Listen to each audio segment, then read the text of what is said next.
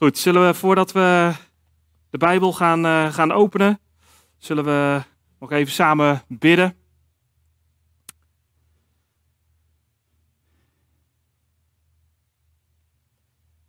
Vader in de hemel, Heere God, Heer, we vragen u, als we zo uw woord gaan openen, Heer, wilt u ons hart openen? Wilt u ons hart openen voor wat u vandaag te zeggen heeft? Heer, wilt u mij helpen, Heer, dat ik uh, uw woorden mag spreken, dat ik uw woord recht zal doen, dat ik uw woord goed zal uitleggen. Heer, en dat u verheerlijkt zal worden, uh, ook vandaag en ook in onze levens, Heer.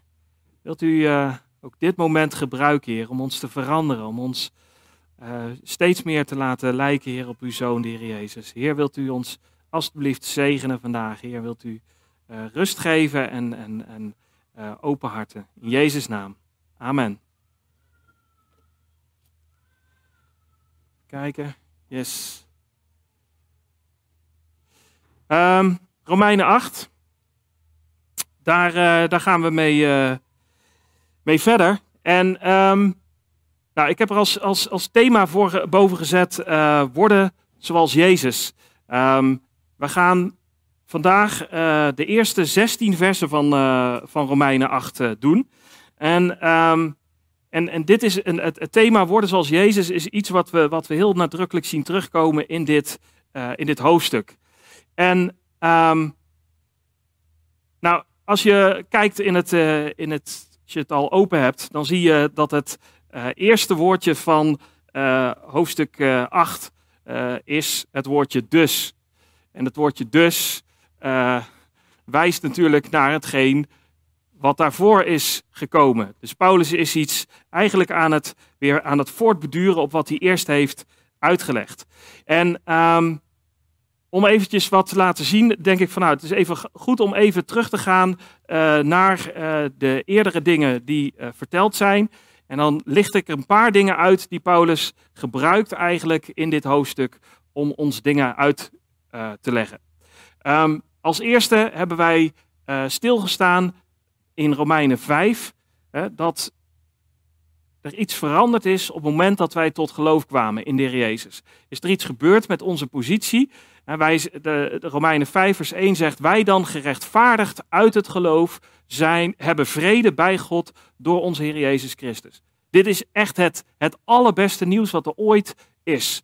Het is namelijk, wij zijn, we hebben vrede bij God door het geloven in de Heer Jezus. Doordat God dat uh, gedaan heeft. Door het offer van de Heer Jezus. En we hebben toen ook stilgestaan bij het feit van, ja maar hoe heeft de Heer Jezus uh, uh, dat eigenlijk gedaan?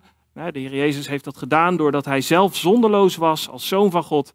Um, als mens op aarde zonderloos geleefd heeft. En um, vervolgens aan het kruis is ge gehangen. En onze schuld op zich heeft gekregen, onze zonde op zich heeft gekregen, alsof hij gezondigd had. En wij hebben zijn gerechtigheid gekregen, alsof wij eh, rechtvaardig zijn, alsof wij zondeloos zijn. Dat is gebeurd. Nou, dat is uh, Romeinen 5. Toen kregen we in Romeinen 6 kregen we, uh, een opdracht mee. Het was van, ja, we, we, kunnen niet blijven hangen in de zonde.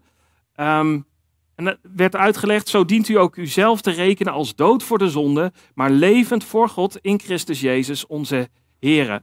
Laat de dood dan niet in uw sterfelijk lichaam regeren om aan de begeerte daarvan te gehoorzamen. En stel uw leden niet ter beschikking aan de zonde als wapens van ongerechtigheid, maar stel uzelf ter beschikking aan God als mensen die uit de doden levend geworden zijn.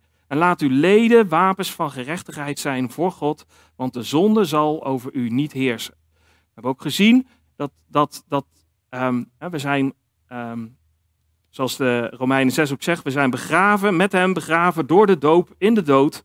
Um, wij zijn gestorven aan de zonde. Toen wij in, tot geloof kwamen in de Heer Jezus, zijn we eigenlijk vereenzelvigd met de dood van de Heer Jezus en zijn we gestorven.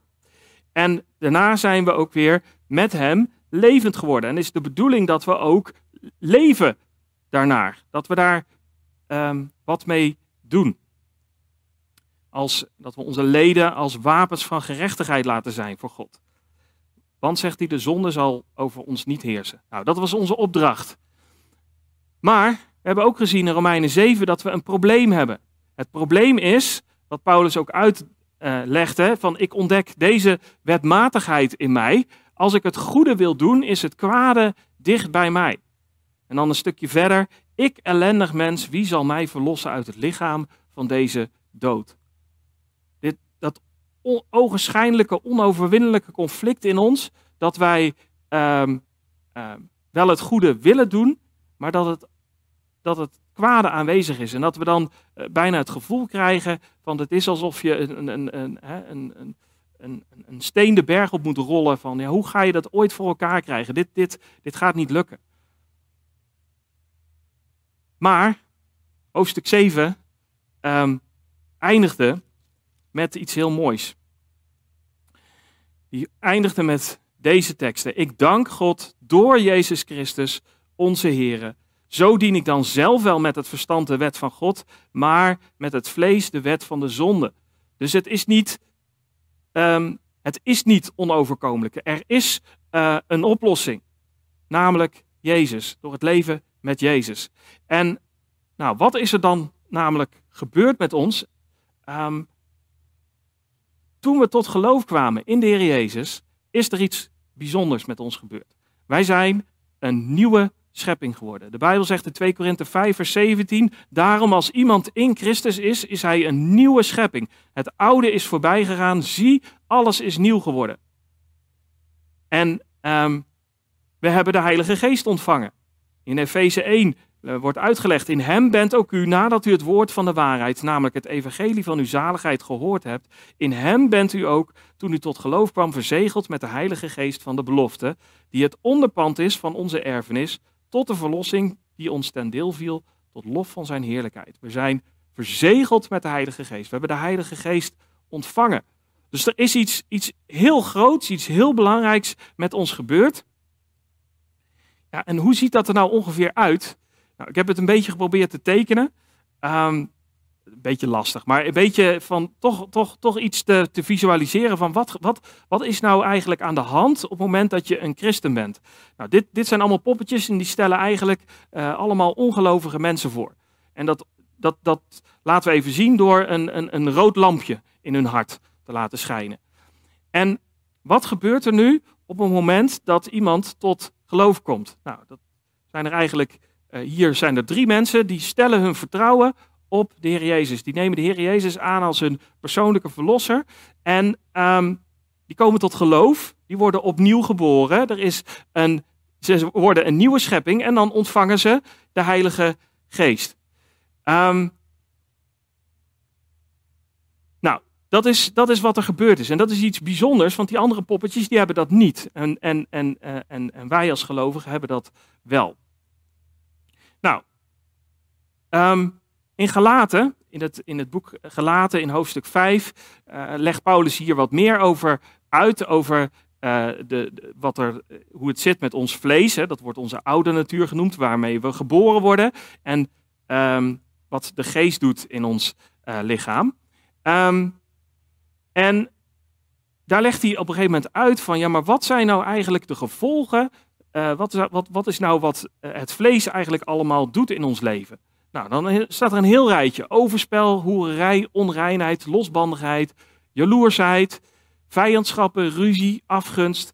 Um, als je daarbij stilstaat, niemand heeft zijn kinderen ooit hoeven uit te leggen om ruzie te maken. Of om jaloers te zijn op de ander. Of om, of om afgunstig te zijn. Of, of om woedeuitbarstingen te hebben. Of, of wat dan ook. Dat heeft niemand ons hoeven te leren. Dat doen we vanzelf. Het egoïsme, het draait bij ons vanzelf om onszelf. Uh, dronkenschap, afgoderij, toverij, oneenigheid, afwijking in de leer, moord, zwelgpartijen en dergelijke. Dat legt uh, de Bijbel uit. Dat zijn dingen die van onze, eh, van, van nature, dat we die mee hebben gekregen. Dat is wat de Bijbel het vlees noemt. Zeg maar de rode lamp. En bij de ene schijnt die rode lamp wat harder dan bij de ander. Bij de ene zou je zeggen, oh ja, maar het is, eigenlijk is hij toch best wel aardig. Maar in, in, in, in feite, hè, dat hebben we ook gezien in de Romeinenbrief, legt de Bijbel uit, niemand is zonder zonde. Iedereen heeft gezondigd. Maar daartegenover zegt de Bijbel, zegt ook van er is de vrucht van de geest. Dat is er één. Dat is één vrucht. En die bestaat uit liefde, blijdschap, vrede, geduld, vriendelijkheid, goedheid, geloof, zachtmoedigheid, zelfbeheersing. Dat staat er tegenover. En het bijzondere is, op het moment dat wij een kind van God worden, op het moment dat wij tot geloof komen, gebeurt eigenlijk is de bedoeling dat er dit gebeurt. En daar zullen we eh, stil bij gaan staan in Romeinen 8. Is namelijk dat dat, dat, dat, effect van het vlees, waarmee geboren worden, dat die, die rode lamp in ons leven, dat, dat egoïsme, die ruzie, die afgunst, die jaloersheid, dat die minder wordt, dat de effecten daarvan minder worden en dat we steeds meer laten zien uh, deze dingen. Liefde, blijdschap, vrede, geduld, vriendelijkheid, goedheid, geloof, zachtmoedigheid, zelfbeheersing. En dat is wat de Heilige Geest in ons leven wil bewerken. Nou, en dat gaan we terugzien in Romeinen 8. En ik dacht toch van, ik vertel het even van tevoren, want dat helpt bij het uh, begrijpen van de tekst die we nu gaan uh, lezen. Nou, zullen we er doorheen gaan. Romeinen 8, vers 1. Hij zegt dus, nou, wat ik al zet, hij verwijst naar het voorgaande. Is er nu geen verdoemenis voor hen die in Christus Jezus zijn, die niet naar het vlees wandelen, maar naar de geest. Oké, dat is het goede nieuws, hè? Er is geen verdoemenis voor hen die in Christus Jezus zijn. Verdoemenis is, hè, is oordeel. Um, er is geen oordeel meer voor hen die in Christus Jezus zijn. Dat is het goede nieuws. Dat zagen we ook in Romeinen 5.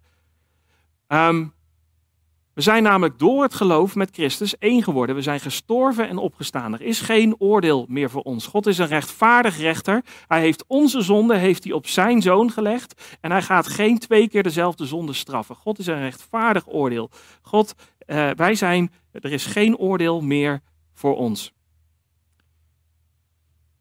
Maar dan staat er, voor hen die in Christus Jezus staan. En dan gaat hij uitleggen wat dat betekent voor hen die in Christus Jezus staan. En dan staat er, die niet naar het vlees wandelen, maar naar de geest. Oftewel, het kenmerk is dus bekering, een ander leven. Als hij het hierover heeft over een wandel, is het over iets wat, wat zichtbaar wordt in jouw leven. Als iets waar jij dagelijks doet. En dan zegt hij dus, voor de mensen die in Christus Jezus zijn, wandelen niet naar het vlees, maar naar de geest. Dat is dus leven vanuit het nieuwe leven dat je ontvangen hebt van God. Dat is een relatie met God hebben. Dat is gehoorzaam zijn aan God vanuit de Heilige Geest. Maar zou je nu kunnen denken: ja, maar wacht even, nu lijkt het alsof hij zegt: er is geen verdoemenis voor hen die in Christus Jezus zijn. En je bent in Christus Jezus als je niet naar het vlees wandelt, maar naar de geest lijkt dat je moet werken ervoor. Maar dat zou Paulus nooit kunnen bedoelen, want Paulus heeft uitgebreid uitgelegd dat het geen redding is doorwerken. Dus dat is absoluut niet wat hij nu aan het vertellen is. Nee, wat hij aan het vertellen is, is um, dat ons leven gekenmerkt gaat worden door het werk van de Heilige Geest. Want hij had in Romeinen 3, vers 28 uitgebreid uitgelegd. Wij komen dus tot de conclusie dat de mens door het geloof gerechtvaardigd wordt zonder werken van de wet. Dus als we hier naar Romeinen 8, vers 1 kijken, dan zegt Paulus van oké, er is geen oordeel meer voor hen die in Christus Jezus zijn. En het kenmerk van mensen die in Christus Jezus zijn, is dat ze niet uh, meer op de oude manier doorleven, maar dat ze gaan leven vanuit de Heilige Geest. Nou, en dan gaat hij verder, gaat hij verder uitleggen in vers 2. Want, zegt hij, de wet van de geest van het leven in Christus Jezus heeft mij vrijgemaakt van de wet van de zonde en van de dood. Want wat voor de wet onmogelijk was, krachteloos als zij was door het vlees, dat heeft God gedaan. Hier zien we het al, hij zegt, er is iets gebeurd, want, zij legt uit van waarom er geen verdoemenis is voor ons die in Christus Jezus zijn. Hij zegt, de wet, de wet van de geest van het leven in Christus Jezus, die heeft mij vrijgemaakt van de wet van de zonde van de dood.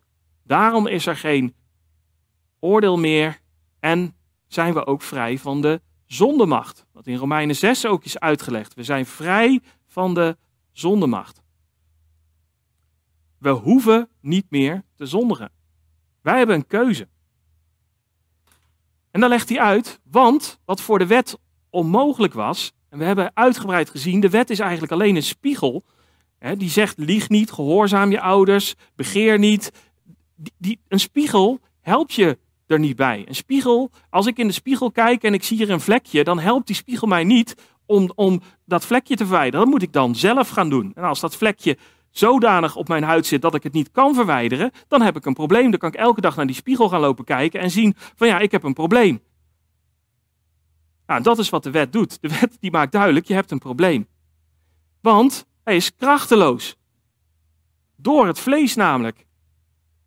Wat is het nou namelijk? De Bijbel heeft uitgelegd, de zonde die zit diep in ons hart. Ongeneeslijk is het hart. We kunnen er niet uitkomen. En, en, en daarom heeft het ook geen zin om naar die spiegel te kijken. Want, want in die spiegel, of nou, het heeft wel zin om naar die spiegel te kijken, maar dat is, iets anders. Het is, als ik in, de, in het voorbeeld van de spiegel kijk, eh, als ik een vlekje heb dat ik zelf kan wegpoetsen, dan is het prima om even in de spiegel te kijken. En dan haal je even dat vlekje weg en dan is het, is het klaar. Maar als, als dat niet kan, ja, wat, dan zie je alleen maar in die spiegel, zie je, ja, het gaat niet goed. Het is niet goed met me. En dat is wat de wet eigenlijk is. De wet is wel goed, de wet is wel rechtvaardig. Hij laat wel dat vlekje zien, maar het helpt je er niet bij. Dus heeft God het opgelost. Dat hebben we gezien in de eerste zeven hoofdstukken van Romeinen 7.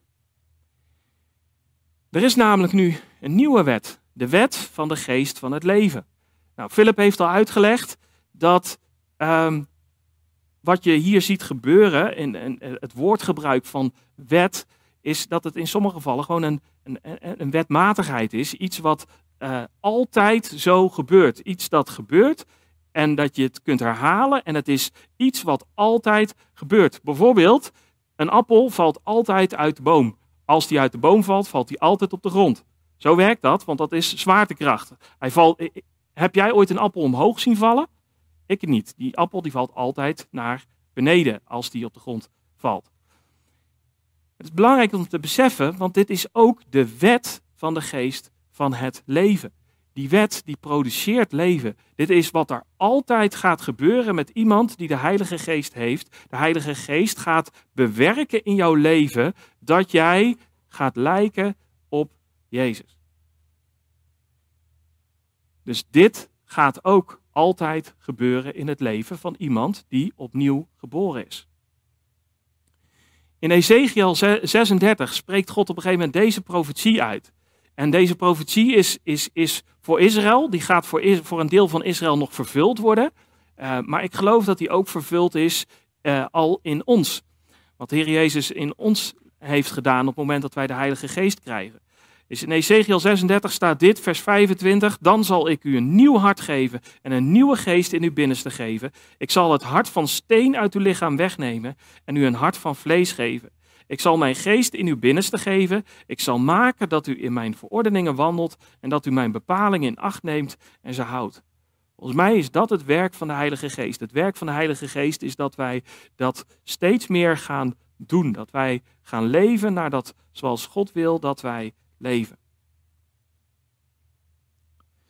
Nou, als we verder gaan in vers 3, dan zegt hij, in vers, einde van vers 2, um, of, of, het begin van vers 3 was, want wat voor de wet onmogelijk was, uh, krachteloos als er was door het vlees, dat heeft God gedaan. En dan staat er, wordt er uitgelegd wat hij gedaan heeft. Hij heeft zijn eigen zoon gezonden in gedaante gelijk aan het zondige vlees. En dat omwille van de zonde en de zonde veroordeeld in het vlees. Dus hij heeft zijn eigen zoon gezonden. Hij heeft, de zoon van God is mens geworden. En dat is waar we bij de kerstdagen vaak bij stilstaan, is dat, dat, daar, dat, dat echt daadwerkelijk God zelf naar de aarde is gekomen om mens te worden. Gewoon met DNA en alles zoals wij ook in elkaar zitten. Dat deed hij omwille van de zonde. Hij wilde het zondeprobleem oplossen. En wat heeft hij gedaan? Hij heeft de zonde veroordeeld in het vlees. En dat is Gods oordeel van de zonde is volledig op het zon, zondeloze vlees van Jezus neergekomen. Dus dat, daarmee heeft hij het, de zonde veroordeeld. En daar hebben we stil bij gestaan dat, dat, dat Jezus dat heeft gedaan. Hij is om onze overtredingen verwond, om onze ongerechtigheden verbrijzeld. De straf die ons de vrede aanbrengt, was op hem. En door zijn striemen is er voor ons genezing gekomen. Dat is de belofte um, Uh, dat is de profetie die, die God had uitgesproken. Uh, dat zou gaan gebeuren aan het kruis. En dat is aan het kruis is dat gebeurd. Geweldig nieuws. En dan legt hij uit hier vers 4. Um, dit heeft hij gedaan. En dan in vers 4. Opdat de rechtvaardige eis van de wet vervuld zou worden in ons, die niet naar het vlees wandelen, maar naar de geest. Nou, nu moeten we opletten. Want hier is iets, echt iets heel bijzonders aan de hand. Dit, dit, dit eerste snappen we nog wel. Opdat de rechtvaardige eis van de wet, de wet is rechtvaardig, uh, wat de wet zegt is goed. Uh, uh, niet liegen, niet stelen, niet begeren wat van je naaste is. Dat, is. dat is een goede wet. Dat heeft God bedacht en dat is goed. Alleen we kunnen het niet uit onszelf. Dat is ons probleem. Maar dan gaat hij hier verder, opdat de rechtvaardige eis van de wet vervuld zou worden in. We denken altijd, die is vervuld in Christus.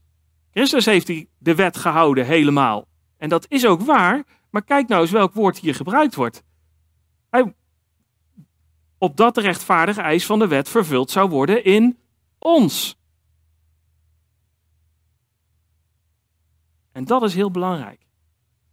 Want, wat betekent dit nou? Wat is Paulus nu hier aan het uitleggen? Hij is hier aan het uitleggen dat Jezus kwam om het zondeprobleem volledig op te lossen. En dat is ook om ons leven te veranderen. Als, als Jezus alleen maar was gekomen om onze zondeschuld op te lossen, dus dat wij niet meer, uh, uh, dat, we, dat we voor God zouden komen te staan en dat God zou zeggen, ja oké, jouw schuld is al betaald, maar vervolgens nog niks had gedaan aan het feit dat wij daadwerkelijk uh, uh, heilig zouden kunnen gaan leven, dat we daadwerkelijk niet meer zouden, uh, zouden gaan zondigen, dan, dan was nog niet het hele zondeprobleem opgelost. En wat Paulus hier volgens mij uitlegt, is um, dat, dit, dat God dit juist wel heeft gedaan. En dan zegt, legt hij dus ook uit wat dat betekent. Dat zou vervuld worden in ons, die niet naar het vlees wandelen, maar naar de geest. Niet meer onze eigen oude natuur laten bepalen wat we doen, maar luisteren naar de geest van God die ons van binnenuit verandert. Dus als um, Jezus zegt, denk niet dat ik gekomen ben om de wet of de profeten af te schaffen. Ik ben niet gekomen om die af te schaffen, maar te vervullen. Die vervulling gaat door in ons leven. Die vervulling onze levensheiliging, ons leven naar de wil van God, ons leven naar de geest, die is onderdeel van die vervulling. En dat is echt belangrijk om te beseffen. Er zijn zoveel mensen die denken van ja, maar als je tot geloof komt, dan is dat het. Ja, en dat, dat, dat is waar. Het is als je tot geloof komt, dan is het belangrijkste gebeurd. Is, hè, je bent een nieuw mens geworden, je, bent, je valt niet meer onder het oordeel.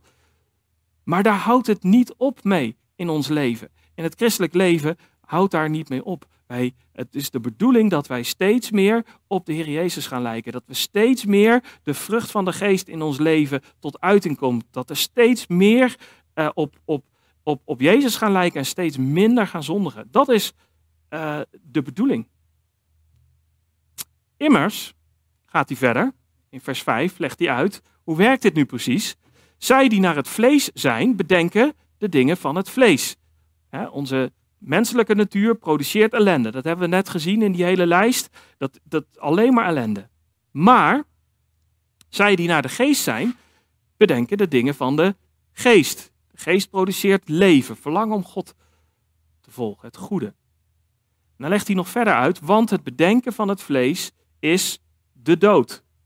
In, in Romeinen 6, vers 23 lezen we: Het loon van de zonde is de dood, maar de genadegave van God is eeuwig leven door Jezus Christus, onze Heer. Daar zien we ook dat contrast terugkomen.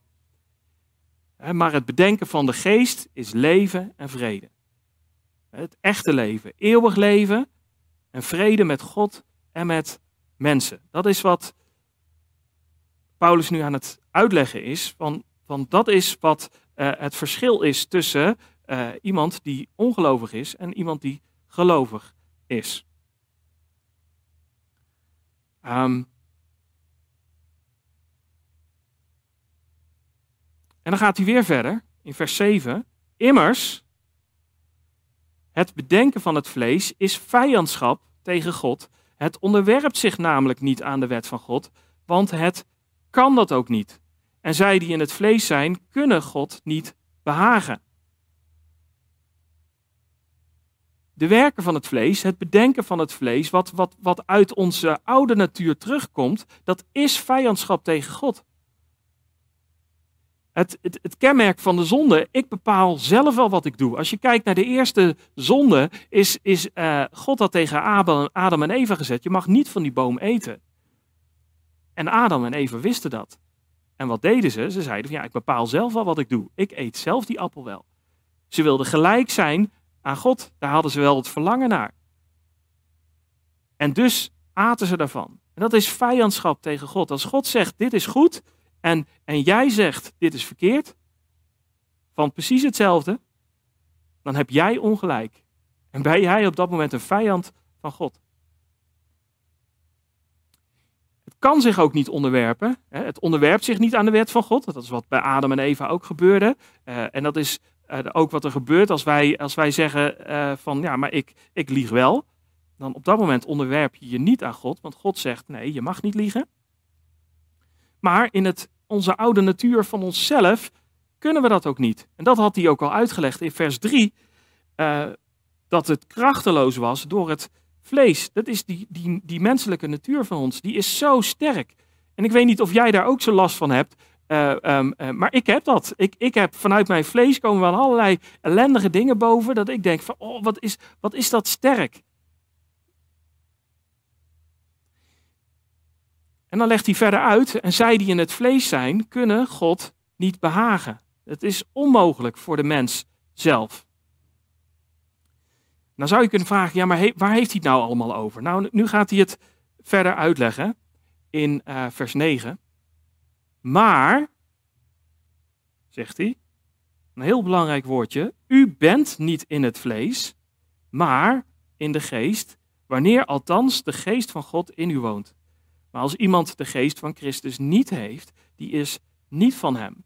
Dus hij legt uit, ja maar jongens, er is iets gebeurd in jouw leven. Er is iets, iets gebeurd, dus, dus jij kunt niet meer zeggen van ja, maar ik, eh, het, het, het, uh, je bent niet meer alleen die oude natuur. Je bent overgestapt. Um, en je, hebt, je bent in de geest, zegt de Bijbel hier. Dus het slechte nieuws is niet voor gelovigen. Maar gaat hij verder ook uitleggen, zegt hij, wanneer althans de geest van God in u woont. Dus dit is een belangrijke voorwaarde. Hij zegt van ja, dit, dit, dit geldt, dit, dit, wat we nu net over hadden hebben, dat geldt niet voor ons. Wanneer de geest van God in je woont. Je hebt de Heilige Geest nodig. Strikte voorwaarden, opnieuw geboren moeten zijn, de Heilige Geest ontvangen hebben. Want, legt hij ook uit, als iemand de Geest van Christus niet heeft, die is niet van Hem. Nou, we hadden al gezien in Efeze 1 dat toen we tot geloof kwamen, zijn we verzegeld met de Heilige Geest van de belofte. Ze hebben de Heilige Geest ontvangen als jij op, echt opnieuw geboren bent, als jij tot geloof komt. Dan ontvang je de Heilige Geest. Dan woont de Heilige Geest in jou. Dus dan ben je niet in het vlees, maar in de geest.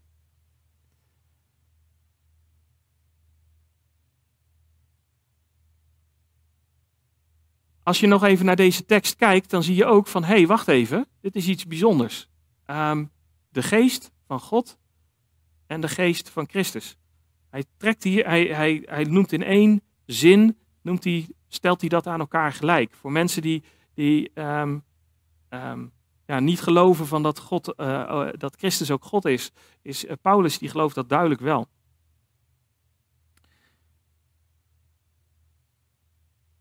En dan in vers 10, als Christus echter in u is, dan is het lichaam wel dood vanwege de zonde, maar de geest is leven vanwege de gerechtigheid. Dus wat hij uitlegt is van wacht even, um, als Christus in jou is, dan is het wel zo dat onze oude natuur um, nog steeds aanwezig is. Ik bedoel, die, die prikkels die hebben nog steeds. Er is nog steeds misschien een neiging om te liegen of om, of om een woedeuitbarsting te hebben of, of, of, of, of, of iets te begeren wat niet van jou is. Dat kan nog steeds er, er, zijn. Ehm, maar, legt hij uit, de geest is leven vanwege de gerechtigheid.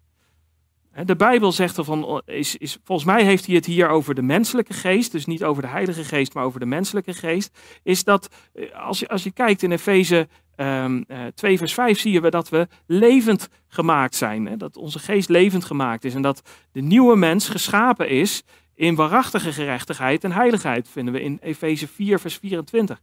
En dat is hetgeen wat een groot verschil maakt. En dat is wat er dan kan gaan gebeuren, is dat de Heilige Geest, het effect van de Heilige Geest steeds meer zichtbaar kan gaan worden in je leven. En dat het, de werken van het, uh, van het vlees steeds minder worden in je leven.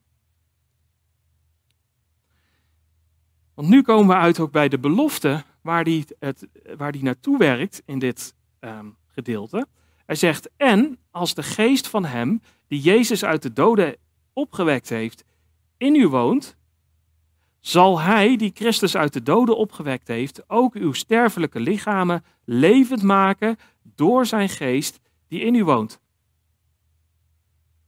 Zij gaat door op het vorige, hè, weer het woordje en. Hij, zegt al, hij heeft net gezegd, van, als je gelooft in Heer Jezus, hè, dan, dan heb je de Heilige Geest gekregen. En als die in je woont, hè, wat dus het geval is voor een gelovige, dan staat hier een heel krachtig woordje. Dan zal hij, die Christus uit de doden heeft opgewekt. Dat is een zekerheid, dat is een belofte. Dit kan niet uitblijken, dit, uitblijven. Dit is die wet van Christus. Um, of die wet van de, uh, de geest van het leven. Dit is wat er gaat gebeuren. Dan zal hij, die Christus uit de doden heeft opgewekt, met opstandingskracht dus, ook uw sterfelijke lichamen levend maken. En dat is waar het volgens mij om draait in ons leven hier op aarde. Is dat er gebeurt, dat er, wat er gebeurt, is transformatie van ons leven. Dat, dat, dat, dat, dat wij van onze natuur um, zijn we geneigd om te liegen. Van onze natuur zijn we geneigd om, om, om verkeerde dingen te doen. Om, om, om, om dingen te begeren die niet van ons zijn. Om egoïstisch te zijn. Dat is onze oude natuur. Maar God belooft hier dat hij dat gaat veranderen. Dat hij onze sterfelijke lichamen levend wil maken. Dat hij dat effect daarvan minder maakt. En dat we dus echt zullen leven. De slechte eigenschappen dus die naar de achtergrond verdwijnen. Goede eigenschappen die zichtbaar worden. En dat het middel is door zijn geest die in u woont.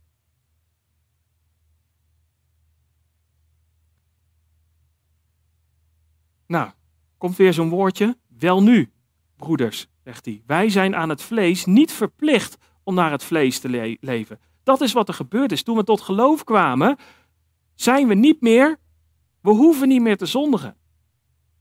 Het kan, het kan misschien soms nog wel zo voelen, maar we hoeven het niet meer. We hebben een keuze. Wij zijn vrijgekrocht. We zijn niet meer slaaf van de zonde.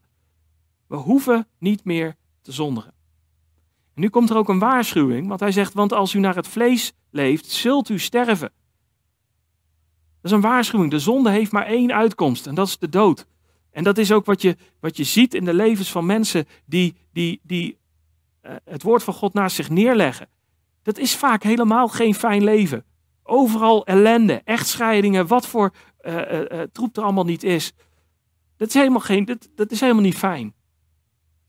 Maar, legt hij uit, als u echter door de geest de daden van het lichaam doodt, zult u leven. Dat is de wet van de geest van het leven. Wij moeten, als u echter, dat is onze actie, door de geest, dat is Gods kracht, de daden van het lichaam dood, zult u leven. Nou, het daden van het lichaam doden, dat, we hebben die hele lijst gezien. Hè? Uh, onreinheid, jaloezie, egoïsme, hoererij, al die zaken, woedeuitbarstingen, ruzie, afgunst, die moeten we doden. Daar moeten we mee afrekenen.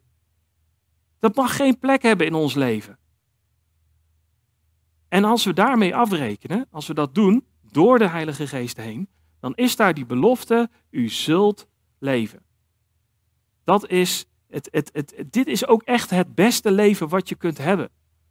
Leven met God. En dat is niet hetzelfde le het beste leven waar uh, Joel Osteen het over heeft. Van veel rijkdom en wat dan ook. Nee, dat is een leven met Christus. Dat is het beste leven.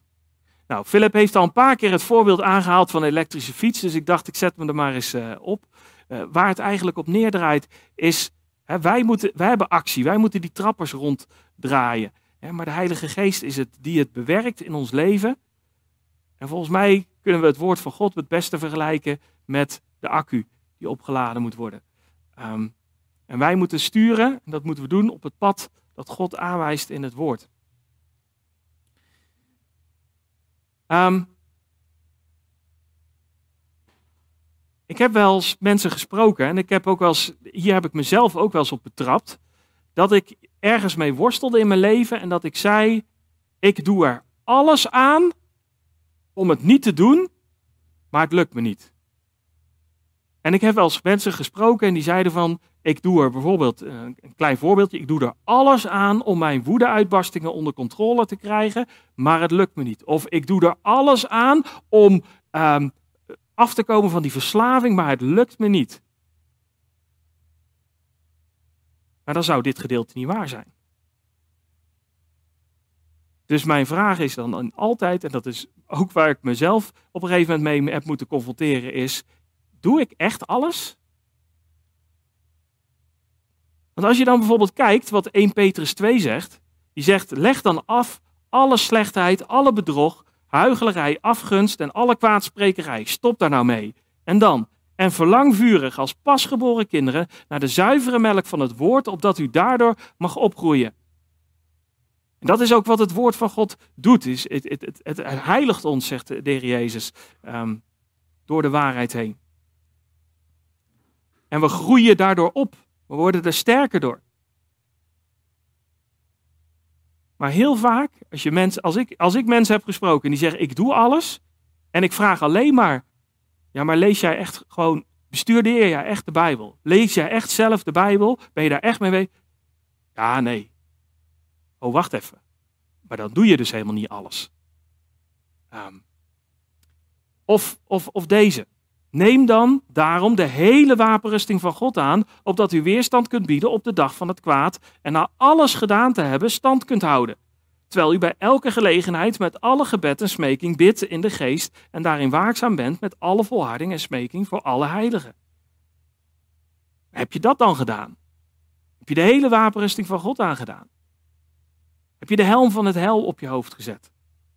En, en, en, en, het zwaard van de geest in je hand. En ben, je eh, geschoeid met de voeten van de bereidwilligheid van het evangelie. Oftewel, probeer je ook andere mensen te bereiken met het evangelie. En hou je hieraan, terwijl u bij alle gelegenheid met alle gebed en smeking bidt. Dus ben je echt werkelijk bezig om, om, om, om voortdurend daarvoor te bidden, voor, de, voor het probleem waar je mee zit? Doe je echt alles? Of, of deze tekst in Efeze 5. Let er dan op dat u nauwgezet wandelt. Niet als dwaze, maar als wijze. Denk jij goed na over de stappen die jij neemt in jouw leven? Denk jij na over van nou, het is verstandig om, om dit tv-programma uit te zetten? Of, of, of om eens een keer uh, uh, dit niet te doen en om eens een keer de Bijbel te gaan pakken? Of, of denk je daarover na? En buit je de geschikte tijd uit? En probeer je, staat hier, wees daarom niet onverstandig, maar begrijp wat de wil van de Heer is. Probeer jij te begrijpen wat God wil in jouw leven?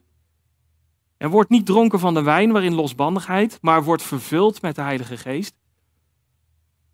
Het moraal van het verhaal is, er staan, ik, ik, kan hier, ik kan hier uren mee doorgaan met al deze teksten op te noemen. Het punt is, is als wij dit doen, als wij gehoorzamen, aan wat God zegt in het woord door de Heilige Geest heen, dan gaat de Heilige Geest ons leven veranderen. Als jij bewust zegt, elke keer tegen uh, uh, die zonde waar je mee worstelt, of als jij, als jij bewust zegt van nee, dat wil ik niet, daar wil ik mee afrekenen, ik doe het niet meer. Als ik het gedaan heb, dan, dan, dan vraag ik vergeving en dan, dan um, reken ik daarmee af Elke keer zeg je nee tegen die zonde. En vervolgens doe je ook al die andere dingen waar God ons toe oproept. Dan zul je gaan merken dat de zonde zwakker wordt in je leven. Dat de zonde minder kracht over je krijgt. Dat je denkt van, oh, ik dacht dat het zo sterk was in mij. Het, is, het, het wordt minder. Die strijd die ik elke keer heb, die wordt minder. En ik heb het in mijn eigen leven ervaren. Met, met, ik, ik, ik, ik, had, ik had moeite met mijn, met mijn, nou ja, daarom heb ik dit voorbeeld ook genoemd, woedeuitbarstingen. Ik, heb, ik had daar moeite mee om, om mijzelf onder controle te houden. Als iets, als iets heel moeilijk voor mij werd. En dat zit heel diep in je. Maar elke keer nee blijven zeggen en elke keer blijven zeggen, ja God, ik, ik, ik, ik wil u volgen, de Bijbel lezen en, en, en bidden en, en, en vervuld zijn met wat God zegt. En dan zul je gaan merken, het wordt makkelijker. Er komt overwinning. Want dat is wat God belooft. En dat is die, die Heilige Geest die dan meewerkt in ons leven, die dan ons, ons, ons verandert van binnenuit. Dus als jij de accu niet oplaadt, als je niet de dagelijks de Bijbel leest en dagelijks bidt, en je ook nog eens alle wegwijzers negeert, als je ook nog eens negeert wat de Bijbel allemaal zegt, dan ga je natuurlijk nooit die berg opkomen. Maar we hebben die belofte uit Galaten 6. Ik zeg, wandel door de geest en u zult zeker de begeerte van het vlees niet volbrengen. Hoeveel van deze teksten moeten we zien totdat we gaan begrijpen dat God echt bedoelt dat het mogelijk is om steeds heiliger te gaan leven, om steeds meer op Jezus te gaan lijken. U zult zeker de begeerte van het vlees niet volbrengen, want het vlees begeert tegen de geest in en de geest tegen het vlees in. En die staan tegenover elkaar, zodat u niet doet wat u zou willen. Als u echter door de geest geleid wordt, bent u niet onder de wet. Als je de gelaten brief gaat vergelijken met wat Paulus hier uitlegt in de Romeinenbrief, zie je heel veel overeenkomsten. Ook daar maakt hij duidelijk van ja, als wij geleid worden door Ehm, de Heilige Geest, dan vallen we automatisch niet onder de, uh, de oude wet. En dat is hier eigenlijk ook wat we hier terugzien, dat de rechtvaardige eis van de wet vervuld wordt in ons als we wandelen naar de Geest. Nu komt hij weer met een hele belangrijke tekst die hier staat. Immers, in vers 14, zoveel als er door de Geest van God geleid worden, die zijn kinderen van God. En dit zijn nou typisch van die teksten die je niet uit zijn verband moet halen. Want sommige mensen zeggen, ja, ik word geleid door de geest van God. Ik, uh, ik, ik, hoor dan een stem en dan denk ik, uh, ja, dat moet ik doen. Maar dat is niet wat Paulus het hierover heeft. Hè? Paulus had het hierover in vers 13. Als u echter door de geest de daden van het lichaam doodt, zult u leven. En dan zegt hij immers, Zoveel als er door de geest van God geleid worden, die zijn kinderen van God. Hij legt hier zelf uit wat hij bedoelt met geleid worden door de geest van God. En dat is namelijk door de geest de daden van het lichaam doden. Oftewel afrekenen met de zonde in ons leven. Dus de strijd in ons leven is een kenmerk van een wedergeboren christen. Een kind van God die wordt geleid door de Heilige Geest. En die is bezig met het afrekenen van zonde in zijn leven. En verlangen naar om, om steeds meer op de Heer Jezus te lijken. Dus laat je veranderen door Hem. Lees je Bijbel, gehoorzaam wat je leest, bid zonder ophouden. En ga die strijd aan tegen de zonde. Laat je niet uh, lam slaan door het feit dat je denkt, ja, maar ik heb strijd. Ja, dat, dat zegt die tekst. Is, is, we hebben strijd, ja. Als de Heilige Geest in ons is, dan hebben we strijd. Strijd tegen de zonde, die hoort erbij.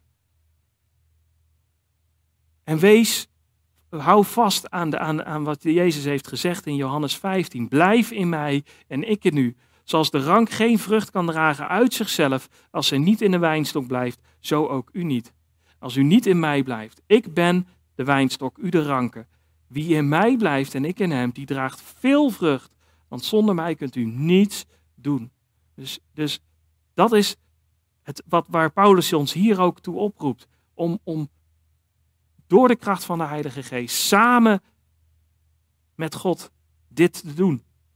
Ehm, om af te rekenen met zonde in ons leven en om uh, steeds meer te gaan lijken op Jezus. Want dat is uiteindelijk onze bestemming. Daarom heb ik dit ook als thema voor boven, dit, dit, uh, voor de, boven deze preek gezet. Is, um, nou kijken we even vooruit naar, naar wat er uh, volgende week gaat, gaat, gaat komen. Um, Romeinen 8, vers 28 en 29 zegt dit. Wij weten dat voor hen die God liefhebben, alle dingen meewerken ten goede. Voor hen namelijk die overeenkomstig zijn voornemen geroepen zijn. Dat is een hele belangrijke, hele fijne, hele bemoedigende tekst. Is als jij God lief hebt, en dat heb je als het goed is als je in God gelooft, heb je God ook lief. Dan werken alle dingen mee ten goede. Maar er staat namelijk ook nog iets achter. Want hen die hij van tevoren gekend heeft, heeft hij er ook van tevoren toe bestemd om aan het beeld van zijn zoon gelijkvormig te zijn. Het is Gods bedoeling dat wij steeds meer op Jezus gaan lijken. Dat wij steeds meer laten zien zoals dat, dat, dat mensen naar ons kijken en denken van, van hé, hey, die lijkt op Jezus. Net zoals dat, dat mijn kinderen, die, die lijken van, qua uiterlijk, lijken ze soms een beetje op, op mij en soms een beetje op mijn uh, vrouw. En qua gedrag, qua karakter, uh, uh, van het vlees, lijken ze soms ook een beetje op, op mij en soms een beetje op mijn vrouw. En dan zie, zie je wel eens iets gebeuren en dan denk je, och, nou ja, oké, dat is herkenbaar. Maar wat de bedoeling gaat zijn, wat de bedoeling is, is dat mensen aan ons gaan herkennen, dit is er eentje van Jezus. Moet je nou eens kijken hoe liefdevol hij is, hoe zachtmoedig hij is, hoe geduldig die is. En Paulus die zegt zelf over dit over, over, over, over dit um, voor deze strijd. Niet dat ik het al verkregen heb of al volmaakt ben. Ook Paulus was nog niet volmaakt. Maar ik jaag ernaar om het ook te grijpen. Daartoe ben ik ook door Christus Jezus gegrepen. En ik hoop dat jij ook denkt, ja, inderdaad, amen. Ik ben door Christus gegrepen. Ik geloof in de Heer Jezus. En ja, natuurlijk hoort daarbij dat ik ook ga leven zoals Christus wil dat ik leef. Dat je niet blijft hangen in, in, in al, die, al die ellende, al die zonden. Maar dat je verlangen hebt om te gaan groeien naar Jezus. Uh, te groeien naar dat je gaat lijken op de Heer Jezus. Nou, en dan zitten we nog met vers 15. Um, ehm, hij zei in vers 14 namelijk, immers zoveel als er door de geest van God geleid worden, die zijn kinderen van God. En nu gaat hij daarop verder, zegt hij, want u hebt niet de geest van slavernij ontvangen, die opnieuw tot angst leidt, maar u hebt de geest van aanneming tot kinderen ontvangen, door wie wij roepen, Abba, Vader. Hij zet het hier in contrast met de slavernij van de zonde. We zijn, als, toen we geboren waren, zijn we slaven van de zonde. We kunnen niks anders dan zondigen. Maar, en dat, dat leidt tot angst. Ik bedoel, als je iets verkeerd hebt gedaan, weet je, daar komt straf voor. En wij, wij weten prima dat als wij voor de troon van God komen te staan, dat we een probleem hebben. Als we niet de redding van Jezus zouden hebben. Want, zegt hij hier, van, eh, dit leidt dus niet opnieuw tot uh, angst. Um, want we hebben niet een geest van slavernij ontvangen, maar we hebben de geest van aanneming tot kinderen ontvangen. We zijn een kind van God geworden. En net zoals een, een kind op zijn vader of op zijn moeder uh, uh, lijkt, zou, is het ook de bedoeling dat een, dat een kind van God op God gaat lijken. En wat ziet hij hier? Hij, wat zegt hij hier? Door wie wij roepen, Abba, Vader. Nou, het is niet helemaal duidelijk wat in die tijd de context, de, de betekenis van, van Abba uh, was. Maar het lijkt in ieder geval te wijzen op uh, uh, iets familiairs. Namelijk dat je, dat je het recht hebt om familie te zijn. En dat is wat er gebeurd is. Wij mogen God onze vader noemen. We zijn familie geworden van God. We zijn kinderen van God geworden. En God is een goede vader. Geen angst meer. Maar wel ontzag en respect. God zorgt voor je. Hij helpt je. Hij leidt je. Hij corrigeert je. Maar zijn liefde houdt nooit op. Je blijft zijn kind. Dat is het bijzondere. Daarom hoeven wij geen angst meer te hebben. Want je blijft zijn kind. Mijn kinderen, die, die kunnen doen wat ze willen. Maar ze blijven altijd mijn kind. Ik zou ze niet oproepen om te doen wat je wil. Maar hey, je, je, blijft mijn kind. En, um, en dat is het bijzondere dat God gezegd heeft. Ik neem je aan als mijn kind. En daar verandert niks meer aan. Dat is voor eeuwig. En dan legt hij ook uit, deze geest zelf getuigt met onze geest dat wij kinderen van God zijn. Het kan ook vertaald worden met de geest getuigt aan onze geest dat wij kinderen van God zijn.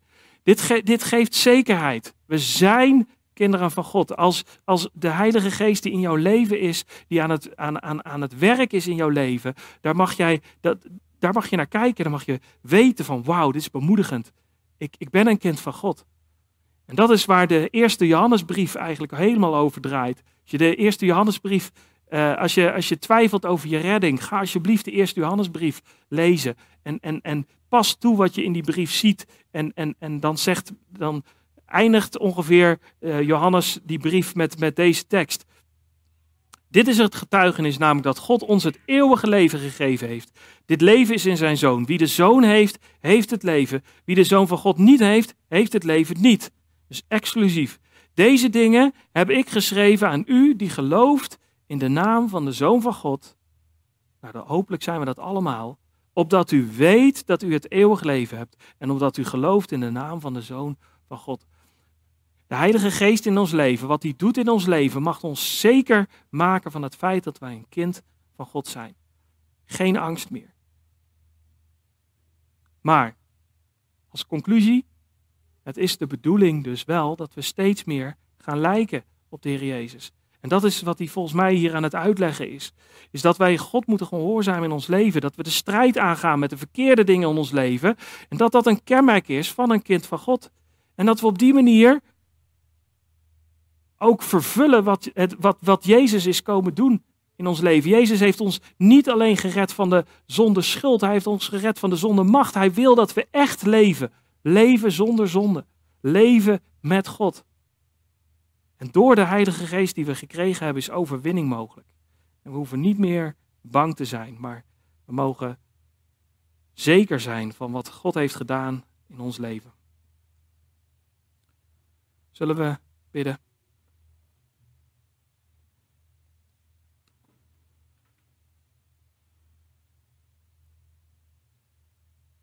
Vader in de hemel, Heere God, dank u voor zoveel bemoedigingen in uw woord. Dank u voor zoveel aansporing in uw woord. En Heer, als we zo gedeeld als, als dit lezen, Heer, ik, ik bid u dat het mag landen in ons alle harten. Dat het echt mag wat doen in ons leven. Dat we echt beseffen dat we u tekort doen als wij gewoon op onze eigen oude manier doorleven. Dat we u tekort doen. Dat, we, dat u bedoeld heeft dat we steeds meer gaan lijken op u. En Heer, ik, ik wil u voor genade vragen voor onze levens. Wilt u ons alstublieft helpen? U belooft dat u ons, ons zult helpen. Heer, en daar danken we u voor. En we vragen u hulp. Wilt u ons helpen? Wilt u ons wijzen op dingen die we nog moeten veranderen? Wilt u ons eh, van binnenuit ook, ook veranderen? En dat we ja, de, uw woord zullen begrijpen en het zullen toepassen in ons leven. En dat we daardoor steeds meer ook op u zullen gaan lijken. Heer, wilt u ons dat u dat doet in, doen in ons leven en ons gebruiken, Heer, om uw evangelie te brengen aan uh, de mensen om ons heen. Heer, dat vragen we in Jezus' naam. Amen.